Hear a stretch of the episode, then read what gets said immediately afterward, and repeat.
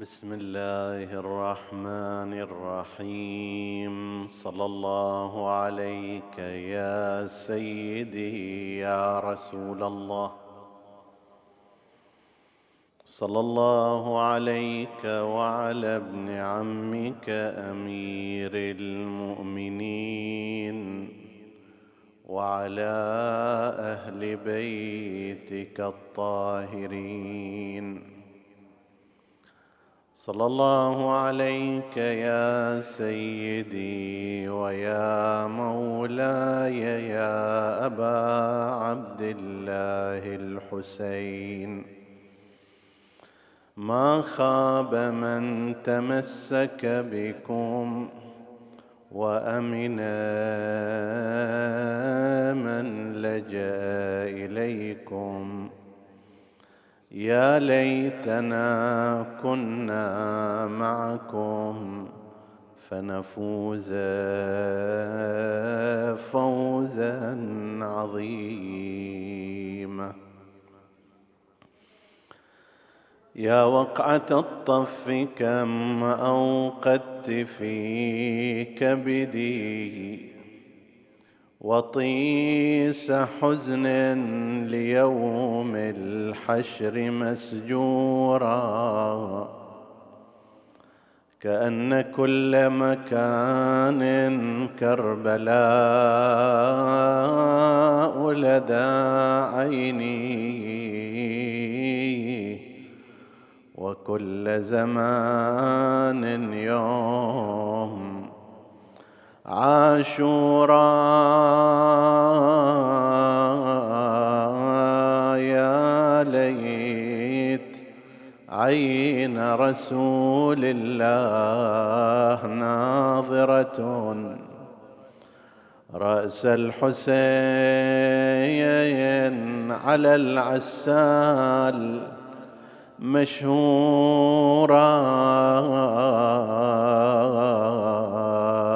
وجسمه نسجته الرياح له.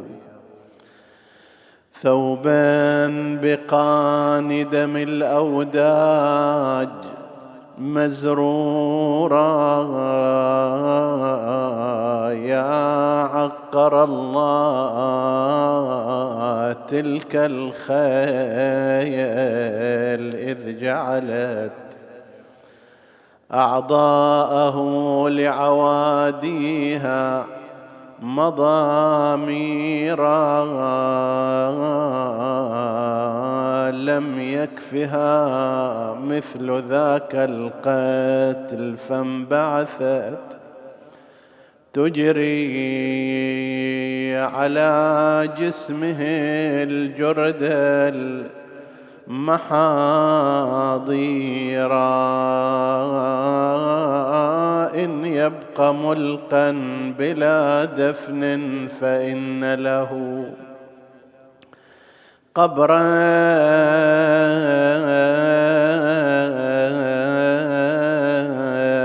بأحشاء من والاه.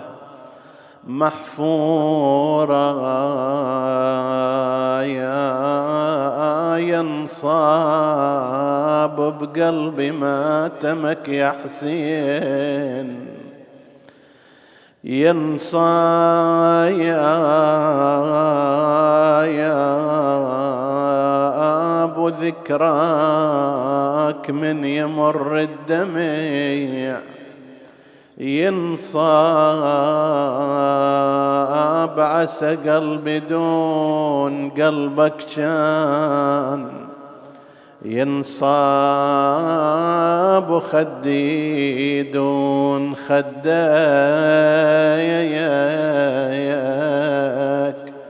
خداياك على الوطية. لكنما الأمر لله لا حول ولا قوة إلا بالله العلي العظيم. إنا لله وإنا إليه راجعون. وسيعلم الذين ظلموا أي منقلب ينقلبون.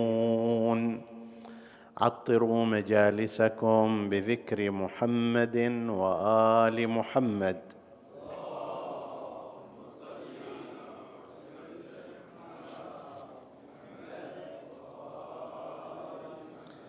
اللهم صل على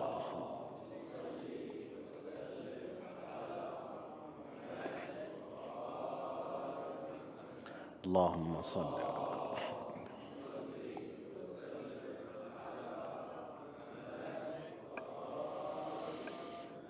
قال الله العظيم في كتابه الكريم بسم الله الرحمن الرحيم. ربنا لا تزغ قلوبنا بعد إذ هديتنا. وهب لنا من لدنك رحمة إنك أنت الوهاب. آمنا بالله. صدق الله العلي العظيم.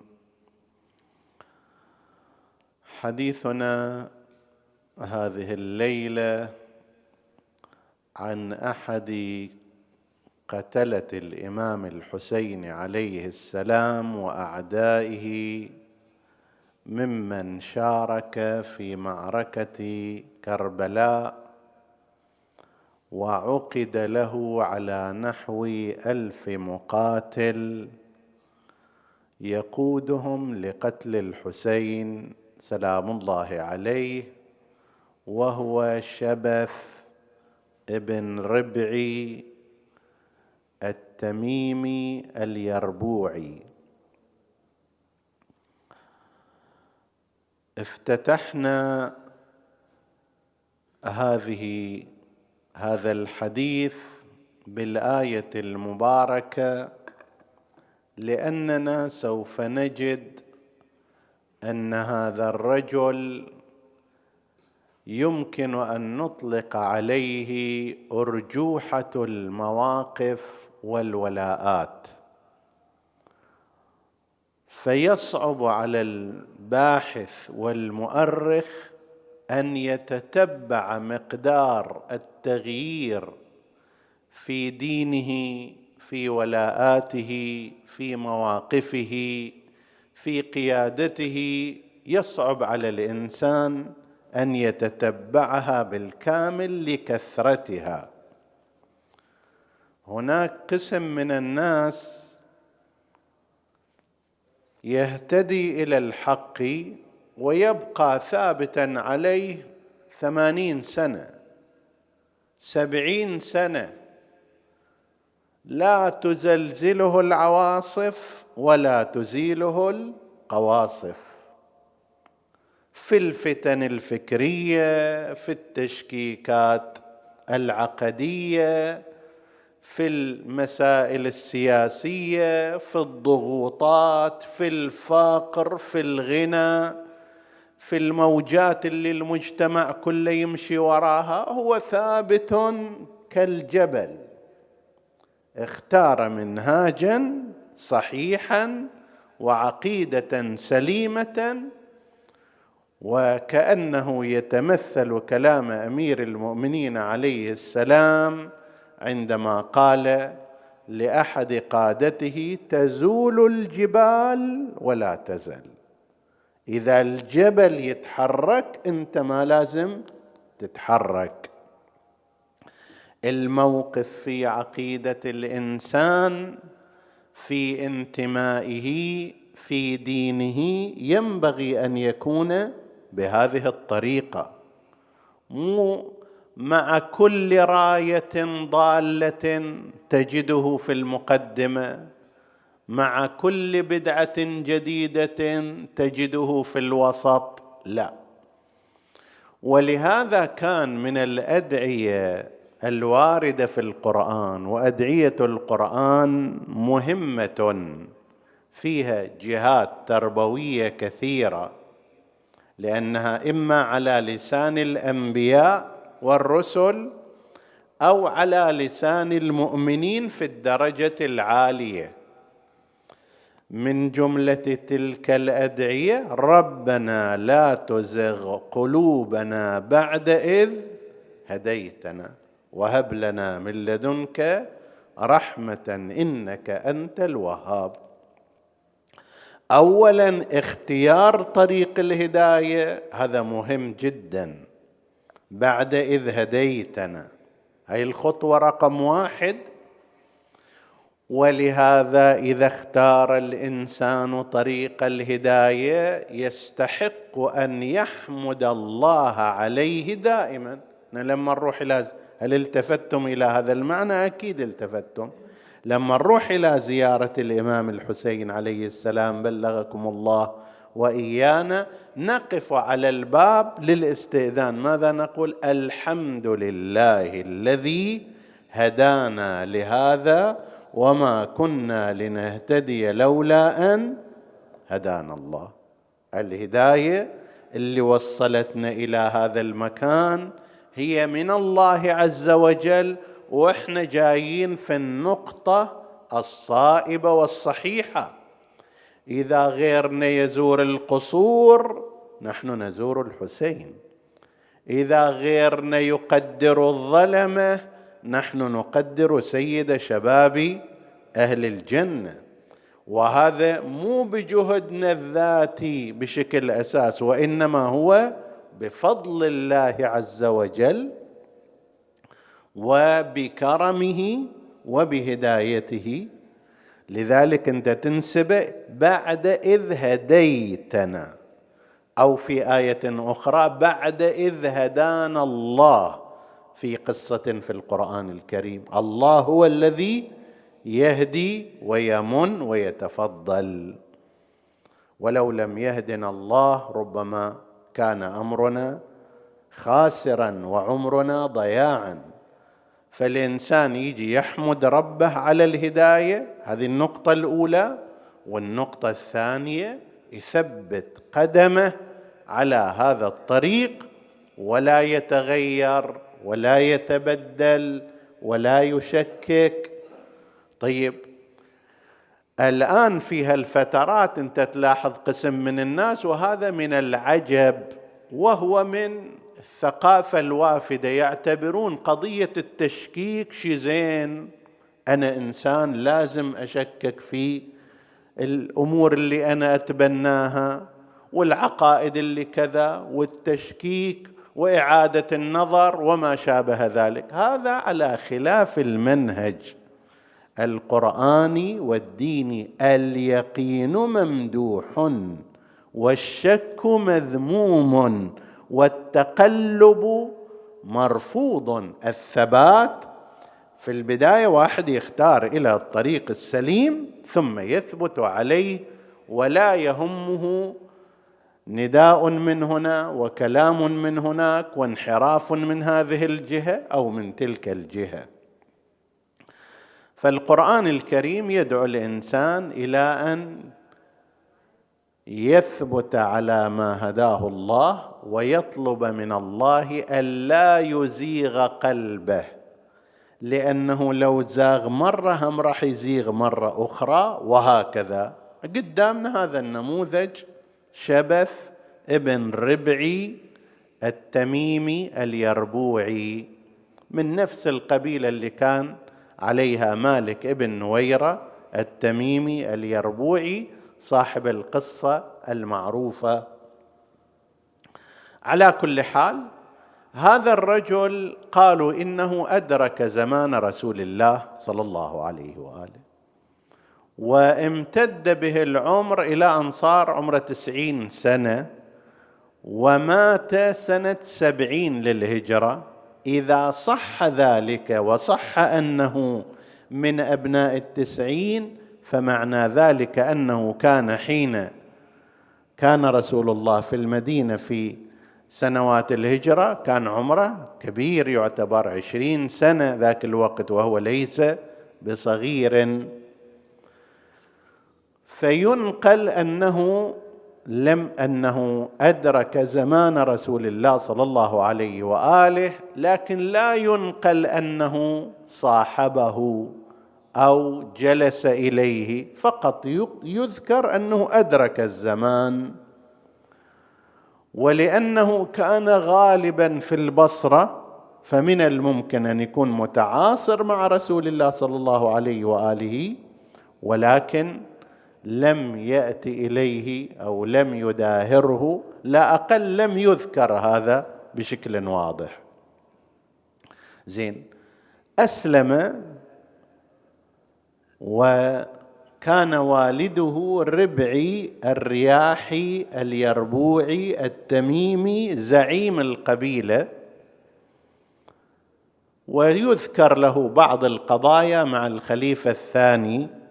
توفي والده هو صار الآن رئيس القبيلة مكان أبيه.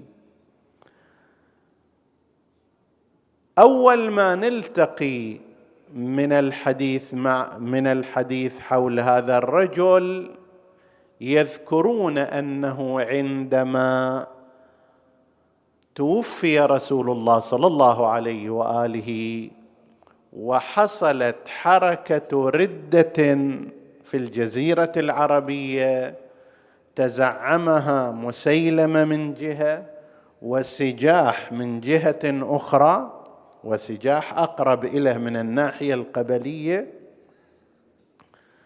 هو التحق بسجاح. ستوك أنت مسلم الآن. التحق بسجاح واعتبر أنها شنو؟ نبية. ليش نبية؟ قالوا لأنه إن رسول الله قال لا نبي بعدي ما قال لا نبية بعدي طيب. هؤلاء لا يفهمون أنه عندما يقول رسول الله إلا أنه لا نبي بعدي هذا يسمونه نفي للجنس. يعني أي شخص يحمل نبوة لا يوجد رجال مرة خنثى غير ذلك ماكو أحد. طيب هذا من جهة جهة أخرى. ما تقرر في العقائد من أن رسول الله هو خاتم النبوات والأنبياء والرسالات. طيب فبعد ما يختلف الحال إذا كانت النبوة مختومة بين أن يأتي بعده نبي أو نبية أو غير ذلك. لكن خب هذه رفعت راية بعضهم يتضارف يقول سجاح ما كان يحتاج إليش أنت تسوي الشغلة. قولي أنا أبغى أعرس أتزوج وينتهى الأمر. وبالفعل هكذا حصل لأنه رفعت راية أنها نبية. بعدين التقت بمسيلمة فتزوجا وقالت قال لها أنا أمهرك مهر. شنو هذا المهر؟ أن أسقط صلاة الصبح عن المكلفين. صلاة الصبح واحد نايم مرتاح يجي. مهر نبيتكم هو إسقاط فرض الفجر بعد ما يحتاج صلاة. هذه هدية إليكم. وبالتالي كما قال هؤلاء كان لو هي من البداية أعلنت أنه تريد أن تتزوج بدون هذه الشغلة والطول والعرض كان انحل الأمر. الظريف أن هذا شبث ابن ربعي التحق بسجاح وصار مؤذنها المؤذن مالها المؤذن عندهم بهذا المعنى يتجاوز قضية الأذان للصلاة إلى ما يشبه في هذه الأيام الناطق الرسمي. مؤذن فيما يرتبط بمثل سجاح هي ما تقدر كل شوية تطلع إلى الناس وسطتهم وتخطب إلى آخره. فيجي يقول للناس ترى مثلا النبي السجاح تقول كذا وكذا تأمركم بكذا وكذا وعلى هالمعدل ولذلك كان هو شبث ابن ربعي هو طرف التفاوض تقريبا بين مسيلمة وبين سجاح وعندما التقوا وسووا يعني في تلك الليلة الزواج خلاص انتهى الموضوع وأقرت هي بنبوته وشافت خوش نبوة. طيب وانتهت هذه المسألة. هو كان المؤذن مالها يؤذن للصلاة من جهة الصلاه الباقية طبعا وأيضا بمثابة الناطق الرسمي اللي يخبر الناس ترى مثلا فلانة تقول كذا تأمركم بكذا وعلى هالمعدل طيب. نحن نفترض أنه في ذاك الوقت إذا صحت الحسابات التي تذكر في التاريخ نفترض أن عمره قريب الثلاثين ثلاثين بعد الثلاثين قبل الثلاثين لأنه فرضنا أن ما دام عمره تسعين سنة وتوفي سنة سبعين هجرية أنه كان في بداية هجرة النبي عمرة بحدود العشرين إلى أن توفي رسول الله وحدثت مشكلة الردة وما شابه ذلك.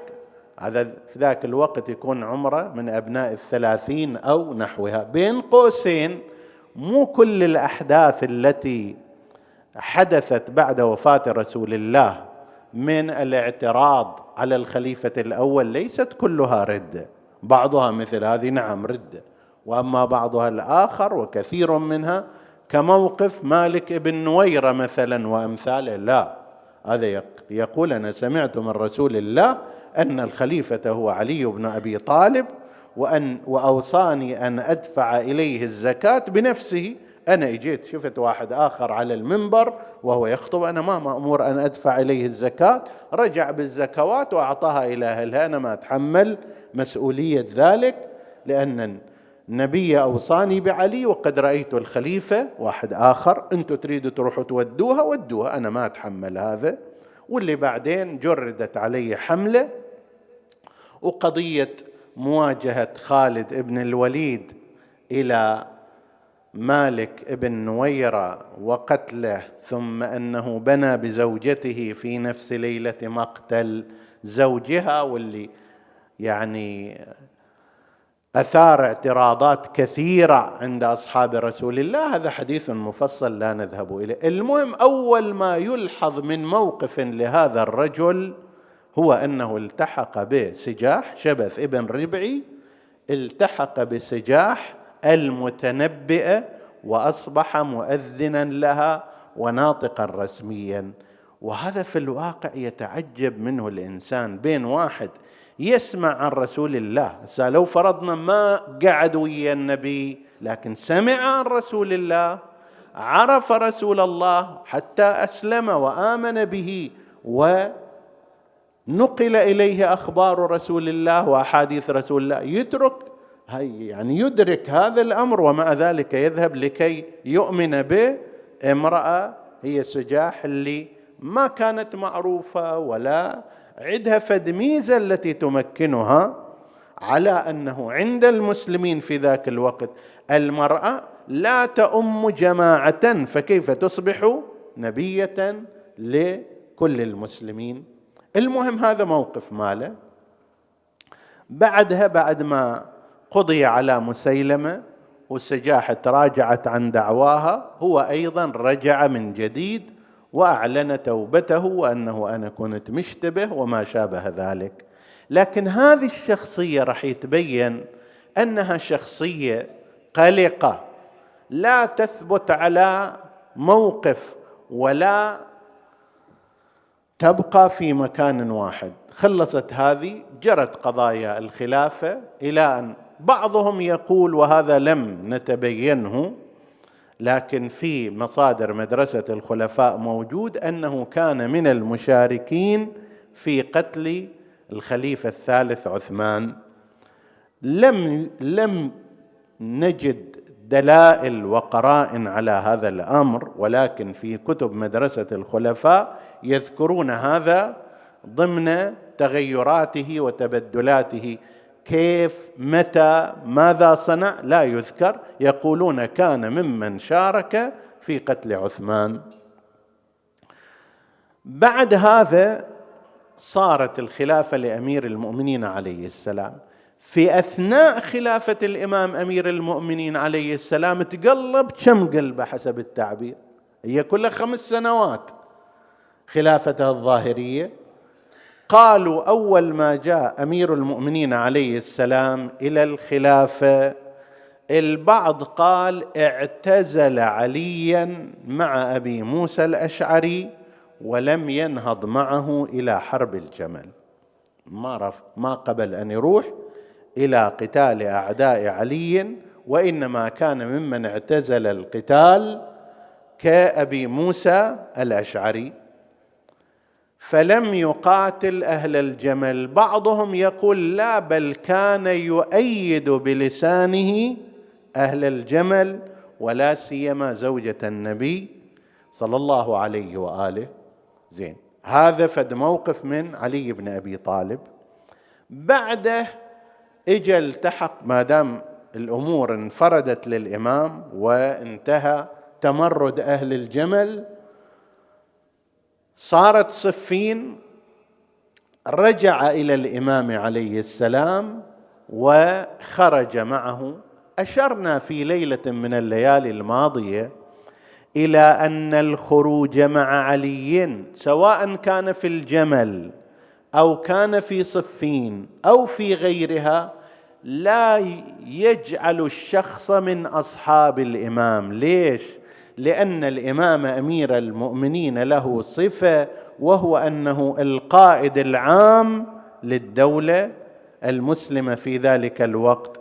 مثل أي حاكم من الحكام يأمر بالجيش أن يخرج فيخرج هذا الجيش بغض النظر عن أنه يؤمن بالإمام أو لا يؤمن إلا أن يتعمد التخلف وإلا العادة لازم يطلعون كلهم بمقدار ما يبعثهم. فشبث ابن ربعي قالوا إنه بعد الجمل صحب عليا صحب بهذا المعنى وخرج معه. في صفين بدأت بوادر بذرة الخوارج. الخوارج اللي كانوا في في جيش أمير المؤمنين قسم منهم عندهم تعبد. ولكن ما عندهم رؤية عقلية. ينلعب عليهم بسرعة يخدعون بسرعة. بعضهم نياتهم طيبة ولكن وعيهم ومعرفتهم صفر.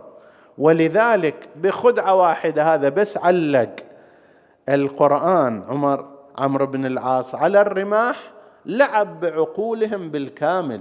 طيب وإجوا ثاروا على أمير المؤمنين وقالوا له لازم توقف. كيف تقاتل قاتل القرآن أنت هذا القرآن. يابا أنا القرآن الناطق. أنا أعرف بالقرآن منكم ومنهم وأعرفهم هذولا هذولا عاجننهم وخابزنهم حسب التعبير. مو أول سنة. منذ بداية بعثة رسول الله وأنا أعرف هؤلاء ومؤامراتهم على الدين. ما قبلوا هذا الأمر قالوا لا إلا لازم توقف القتال أوقف القتال الإمام أمير المؤمنين وقال لمالك الأشتر إن الفتنة قد أطلعت رأسها. فوقف حتى لا يصير انشقاق في الجيش. وتصور إذا عشرون ألف قالوا بعضهم وبعضهم قال أربعة آلاف. وقد يكون في مرحلتين. إذا فرضنا عشرين ألف من هؤلاء أرادوا أن يقاتلوا جيش الإمام. خلاص انكسر هذا الجيش من صوب معاوية ومن صوب هذولا. طيب القتال الداخلي هو أقسى وأسوأ فالإمام أمر بإيقاف. خل وقف القتال أمير المؤمنين. صارت قضية التحكيم. فرضوا عليه أبو أبا موسى الأشعري.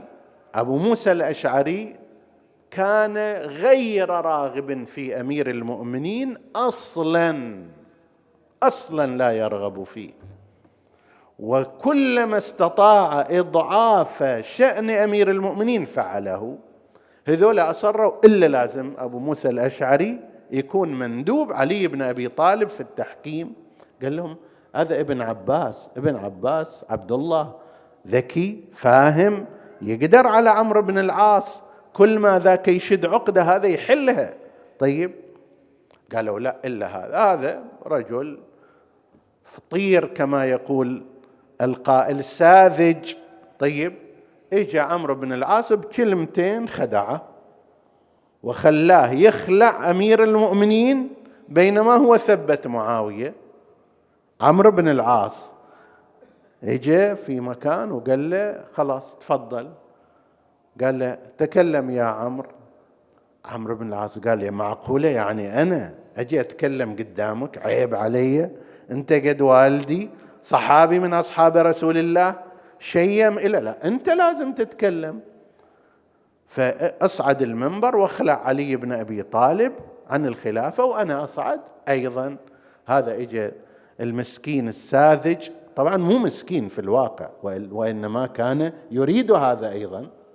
وصعد المنبر قال المشكلة هي بين علي بن أبي طالب وبين معاوية. والرأي أن نخلعهما وقد خلعت علي بن أبي طالب كما أخلع خاتمي. هذا من أصبعي. الآن علي بن أبي طالب مو خليفة. خلص نزل. عمرو بن العاص صعد. قال أيها الناس قد سمعتم صاحبكم وما قال أنه خلع علي بن أبي طالب كما يخلع الخاتم من إصبعه. وإني أثبت صاحبي في الخلافة في الخلافة كما أثبت خاتمي. هذا في الإصبع. فصار علي بن أبي طالب مخلوع وصار معاوية بن أبي سفيان منصوب. أبو موسى الأشعري قال له مو على هالشكل اتفقنا؟ قال له عمي روح طير حسب التعبير. زين. كان يحتاج واحد ذكي وفاهم. ذولا الآن نفس الخوارج وكان على رأسهم شبث ابن ربعي قالوا ليش حكمتوا؟ ليش قبلتوا بالتحكيم؟ طيب أنتم يا أغبياء يا حمقى أنتم اللي اضطريتوا الإمام أن يوقف القتال حتى يسوي تحكيم واحد.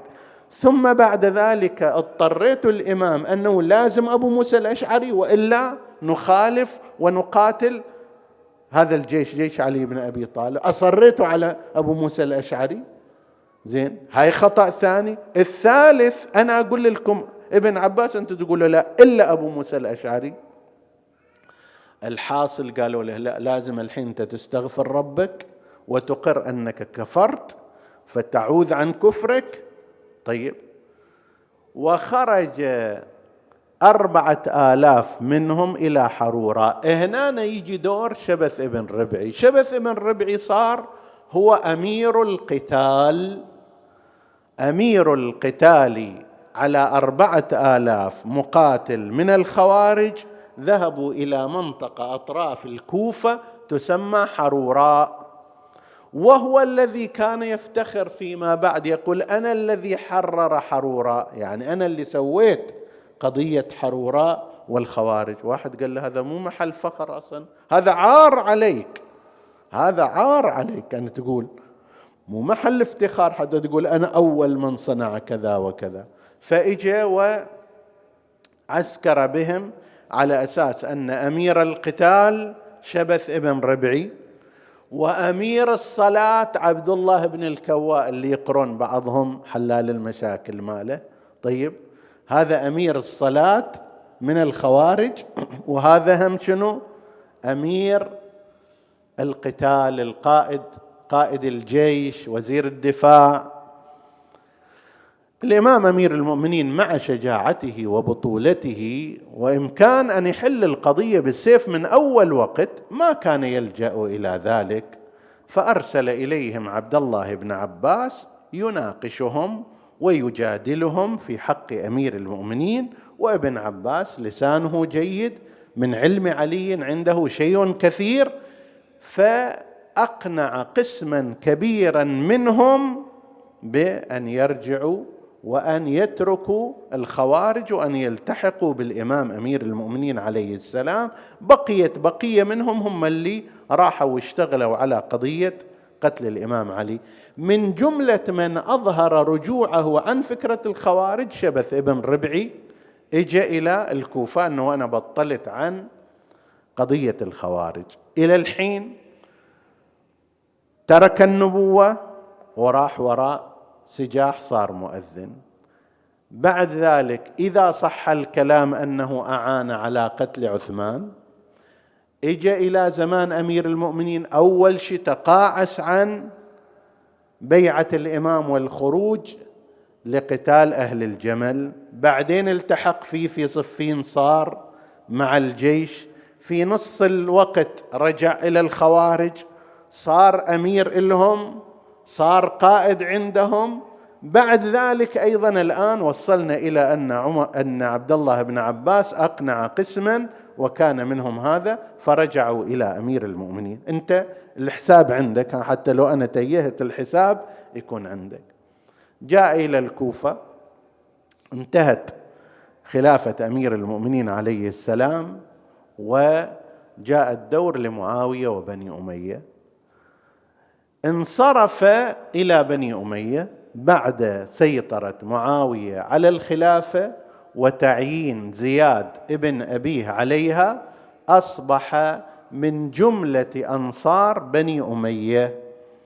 وكان أحد الشهود على أن حجر بن عدي ذكرنا في ليلة مضت على أن حجر بن عدي قد ارتد عن الإسلام وأظهر الفتنة ويريد الكيد للمسلم. حجر بن عدي اللي زكاه رسول الله صلى الله عليه وآله كتب عنه منشور في الكوفة وأشهد خمسين وأشهد خمسون رجلا من رجالها من أتباع بني أمية. واحد منهم من الذين وقعوا على هذا المنشور كان شبث بن ربعي واللي على أساس يودون حجر بن عدي وهو من خلص اصحاب أصحاب الإمام علي عليه السلام ومعه تسعة أشخاص يودوهم إلى معاوية وهذا صك إعدامهم موجود. واحد مرتد يريد الفتنة يريد تخريب المجتمع هذا طبيعي يقتل. وكان شبث ابن ربعي من جملة فريق الخفاره العسكريه خفر هؤلاء. يعني أخذوا مقيدين إلى الشام بخفارة عدد من العسكر وكان شبث ابن ربعي من قادة هذه المجموعة التي خفرت ورافقت هذا هؤلاء المأسورين إلى الشام. أنت أمس أول تمس ويا علي بن أبي طالب مع حجر بن عدي في صف واحد يفترض. وتعرف حجر بن عدي ومنزلته ومقامه الآن يشهد ضده بأنه ارتد عن الإسلام وأنه يريد الفتنه وفوق هذا أيضا يروح وياك. شلون مثلا الذين ذهبوا مع ركب السبايا إلى الشام حراسة عسكرية. هذا أيضا شبث ابن ربعي. كان في الحراسة العسكرية على حجر بن عدي والأشخاص الذين كانوا معه حتى لا يفرروا منا لا يهربون لا يطلبون الأنصار إلى أن جاءوا إلى الشام. هذا إلى هنا. كان في زمان زياد ابن أبي قتل واستشهد حجر بن عدي رضوان الله تعالى عليه. رجع هذا الرجل إلى الكوفة من جديد وظل في الكوفة في ركاب بني أمية. هنا يتبين لك لما يقولوا أن الذي قتل الحسين شيعته من هذا الآن حتى في زمان أمير المؤمنين كان قلق الوضين. كان متغير الولاء وأما الآن فقد حاز بكله إلى بني أمية. صار في زمانهم. قربه أيضا فيما بعد عبيد الله بن زياد قبله المغيرة بن شعبة جعله على قتال مخالفي بني أمية وبالفعل راح وقاتلهم. إلى أن صار الدور في زمان عبيد الله بن زياد وجاء مسلم بن عقيل إلى الكوفة كان شبث ابن ربعي من جملة من ساق قبيلته بني تميم إلى ولاء بني أمية. إن هاي القبائل غالبا كانت تلتزم توجيهات رؤسائها وهذا الآن هو رئيس قبيلة بني تميم.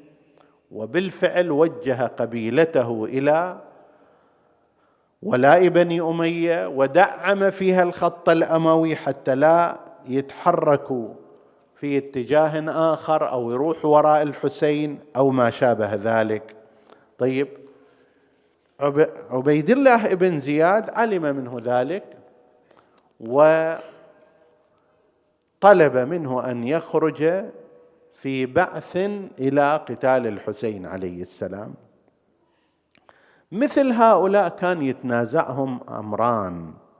يتنازعهم من جهة أن الحسين عليه السلام سيد شباب أهل الجنة صبط رسول الله ابن فاطمة الزهراء عليها وعليه السلام. ومن جهة أخرى يريدون هم مصالحهم مع بني أمية. فشوف هنا ياهو اللي يغلب.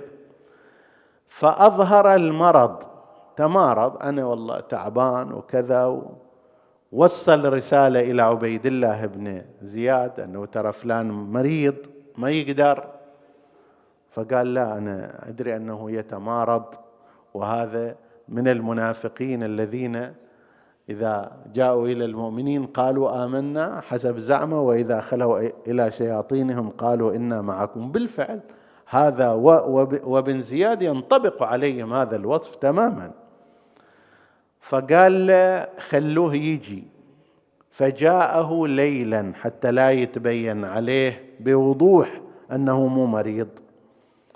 فقال له غدا صباحا تمشي إلى كربلاء على رأس جيش من ألف مقاتل.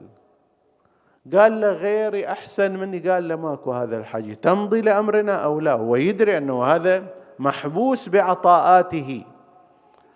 عندما يتكلم معه يعلم كم أعطي وكيف كانت علاقته معه ولا يزال في حالة الطمع من بني أمية وبالفعل أرسله إلى كربلاء على رأس ألف مقاتل.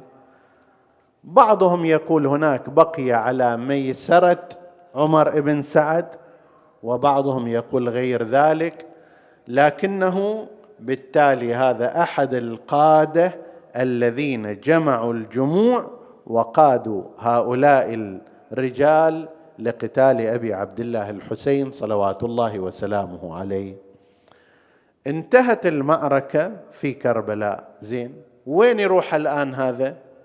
بقي على ولاء آل أمية. فهل أثناء الكوفة انتفضت على بني أمية؟ لأنه حقيقة مقتل الحسين عليه السلام زلزل الأرض تحت أقدام بني أمية. الناس رأوا أن هذا شيء فظيع أن يقتل ابن بنت رسول الله بتلك الصورة وأن تسبى نساؤه. بهذا النحو الذي ينقله التاريخ فصار مقت لبني أمية وأصبح شتمهم ولعنهم فاشيا في الكوفة. كل واحد لغرض. هذا الإنسان الشيعي في الكوفة يلعنهم عقيدة. ذاك الشخص غير الشيعي يلعنهم لظلمهم. هذا اللي ولاء أهل آل الزبير يلعنهم لأنه يرغب في عبد الله بن الزبير وهكذا.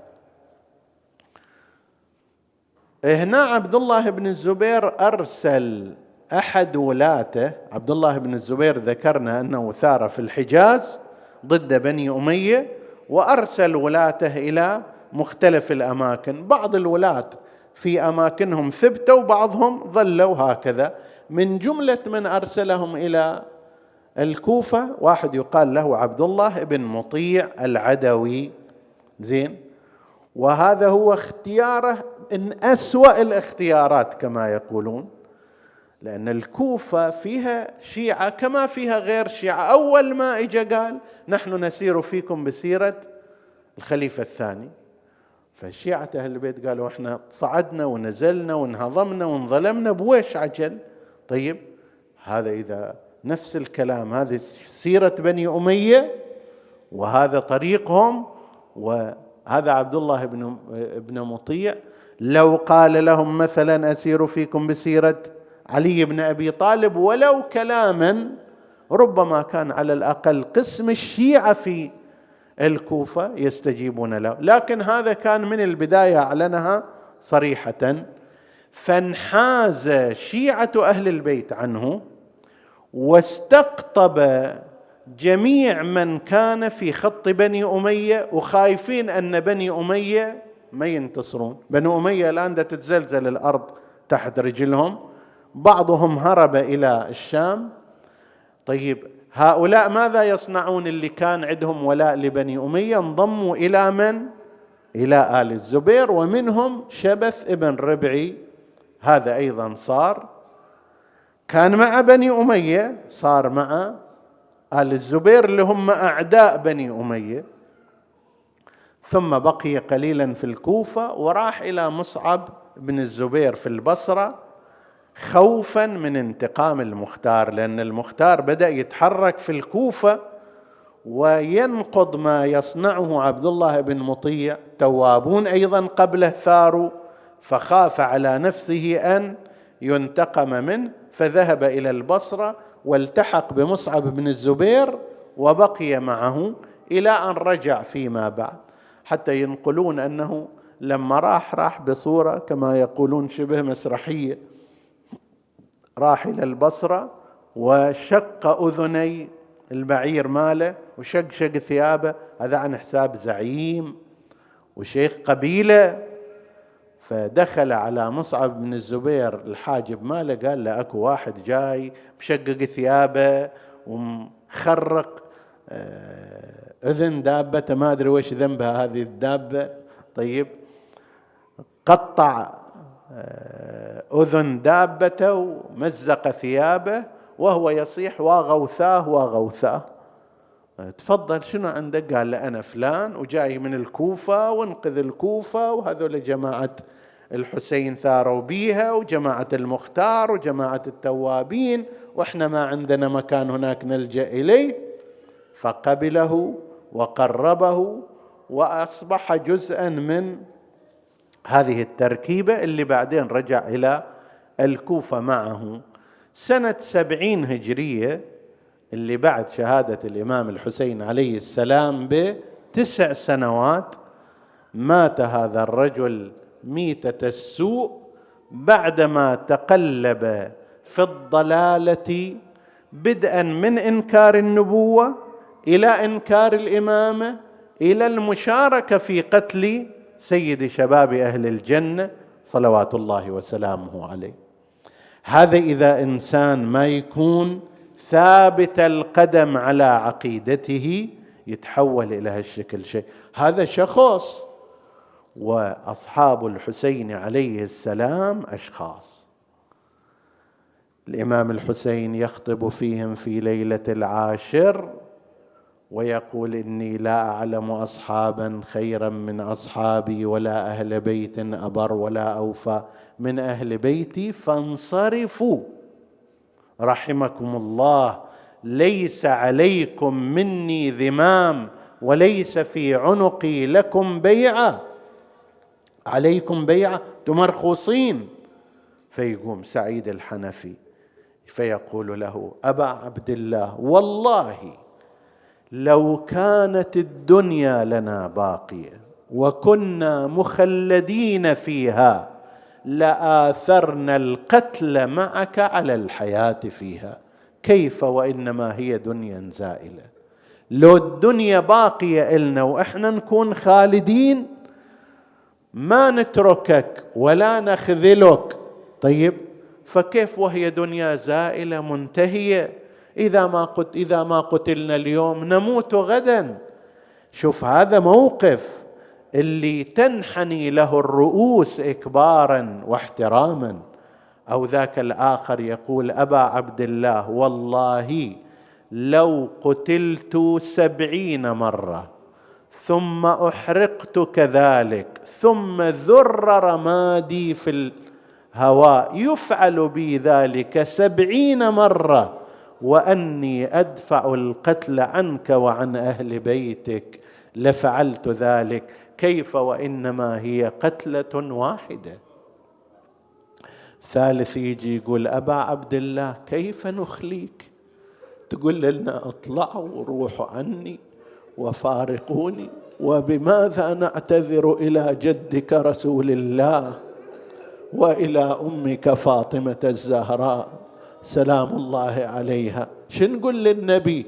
وصلنا الحسين إلى كربلاء وتركناه طعمة للسيوف والرماح ورجعنا إلى منازلنا وإلى نسائنا وإلى أولادنا. لا والله لا نفعل ذلك. يقول لا أفعل ذلك حتى أضربهم بسيفي ما ثبت قائمه بيدي وأطعنهم برمحي حتى أرويه من دمائهم. هذا مواقف في مواجهة الموت. وين ذاك الموقف؟ هالمواقف المتعددة لذلك الرجل؟ إحنا نقتدي بمثل هؤلاء الرجال الذين لسان حالنا هي مواقفهم إن شاء الله. هذا حبيب بن مظاهر الأسدي رجل كبير في السن وعادة الإنسان مع كبر سنه تضعف قواه لكن عزيمته ماذا يقول؟ والله يا بن بنت النبي لو قطعوني. هذا لسان حالك أنت ولسان حال المؤمنين مع الحسين عليه السلام. شنو المصاعب اللي تعترضنا شنو المشاكل اللي تصير علينا؟ والله يا بن بنت النبي لا قطعوني بالسيف والخطي وبالنار احرقوا وذرى رمادي بالهوى وتال انشرى سبعين مرة هالفعيل يسدر علي. شي يصير؟ ماذا تصنع؟ يقول والله يا أبو السجاد ما فارق جمالك. والله يا أبو السجاد ما فارق. جمالك روحي ومالي والاهيل كلها فدالك كل شيعتك تهتك تفنى ولا تهتك. عيالك والتفت لاصحابه وعبراته جري قال لهم صناديد الحرب كلكم تعرفون. باكر بهالعرصايا يصير الحرب والكون. وليكون سادتكم بنو هاشم يحملون إلا بعد ما ننفنى كلنا سوي وبالفعل ما قصر أصحاب الحسين ولا قصر حبيب حمل على القوم حملة منكرة وهو يقول أنا حبيب وأبي مظاهر فارس هيجاء وحرب تسعر أنتم أشد أنتم أعد عدة وأكثر ونحن أوفى منكم وأصبر قاتل قتال الأبطال عظم الله أجرك يا حسين. بينما هو يقاتل جاء لعين من خلفه طعنه بالرمح في ظهره. هوى إلى الأرض جريحا. أراد أن ينهض ليقاتل. جاء الحسين بن نمير لعنة الله عليه. ضرب حبيبا بالسيف على رأسه. أيوا حبيبة وسيدا جاءوا الحسين بكى عنده نادى عند الله أحتسب نفسي. وحماة أصحابي وينصار دين الله يا فرسان الميادين يا أهل الحمية الخيل وصلت للصواب. أنا ناديت حتى دمعتي بالخد سالت.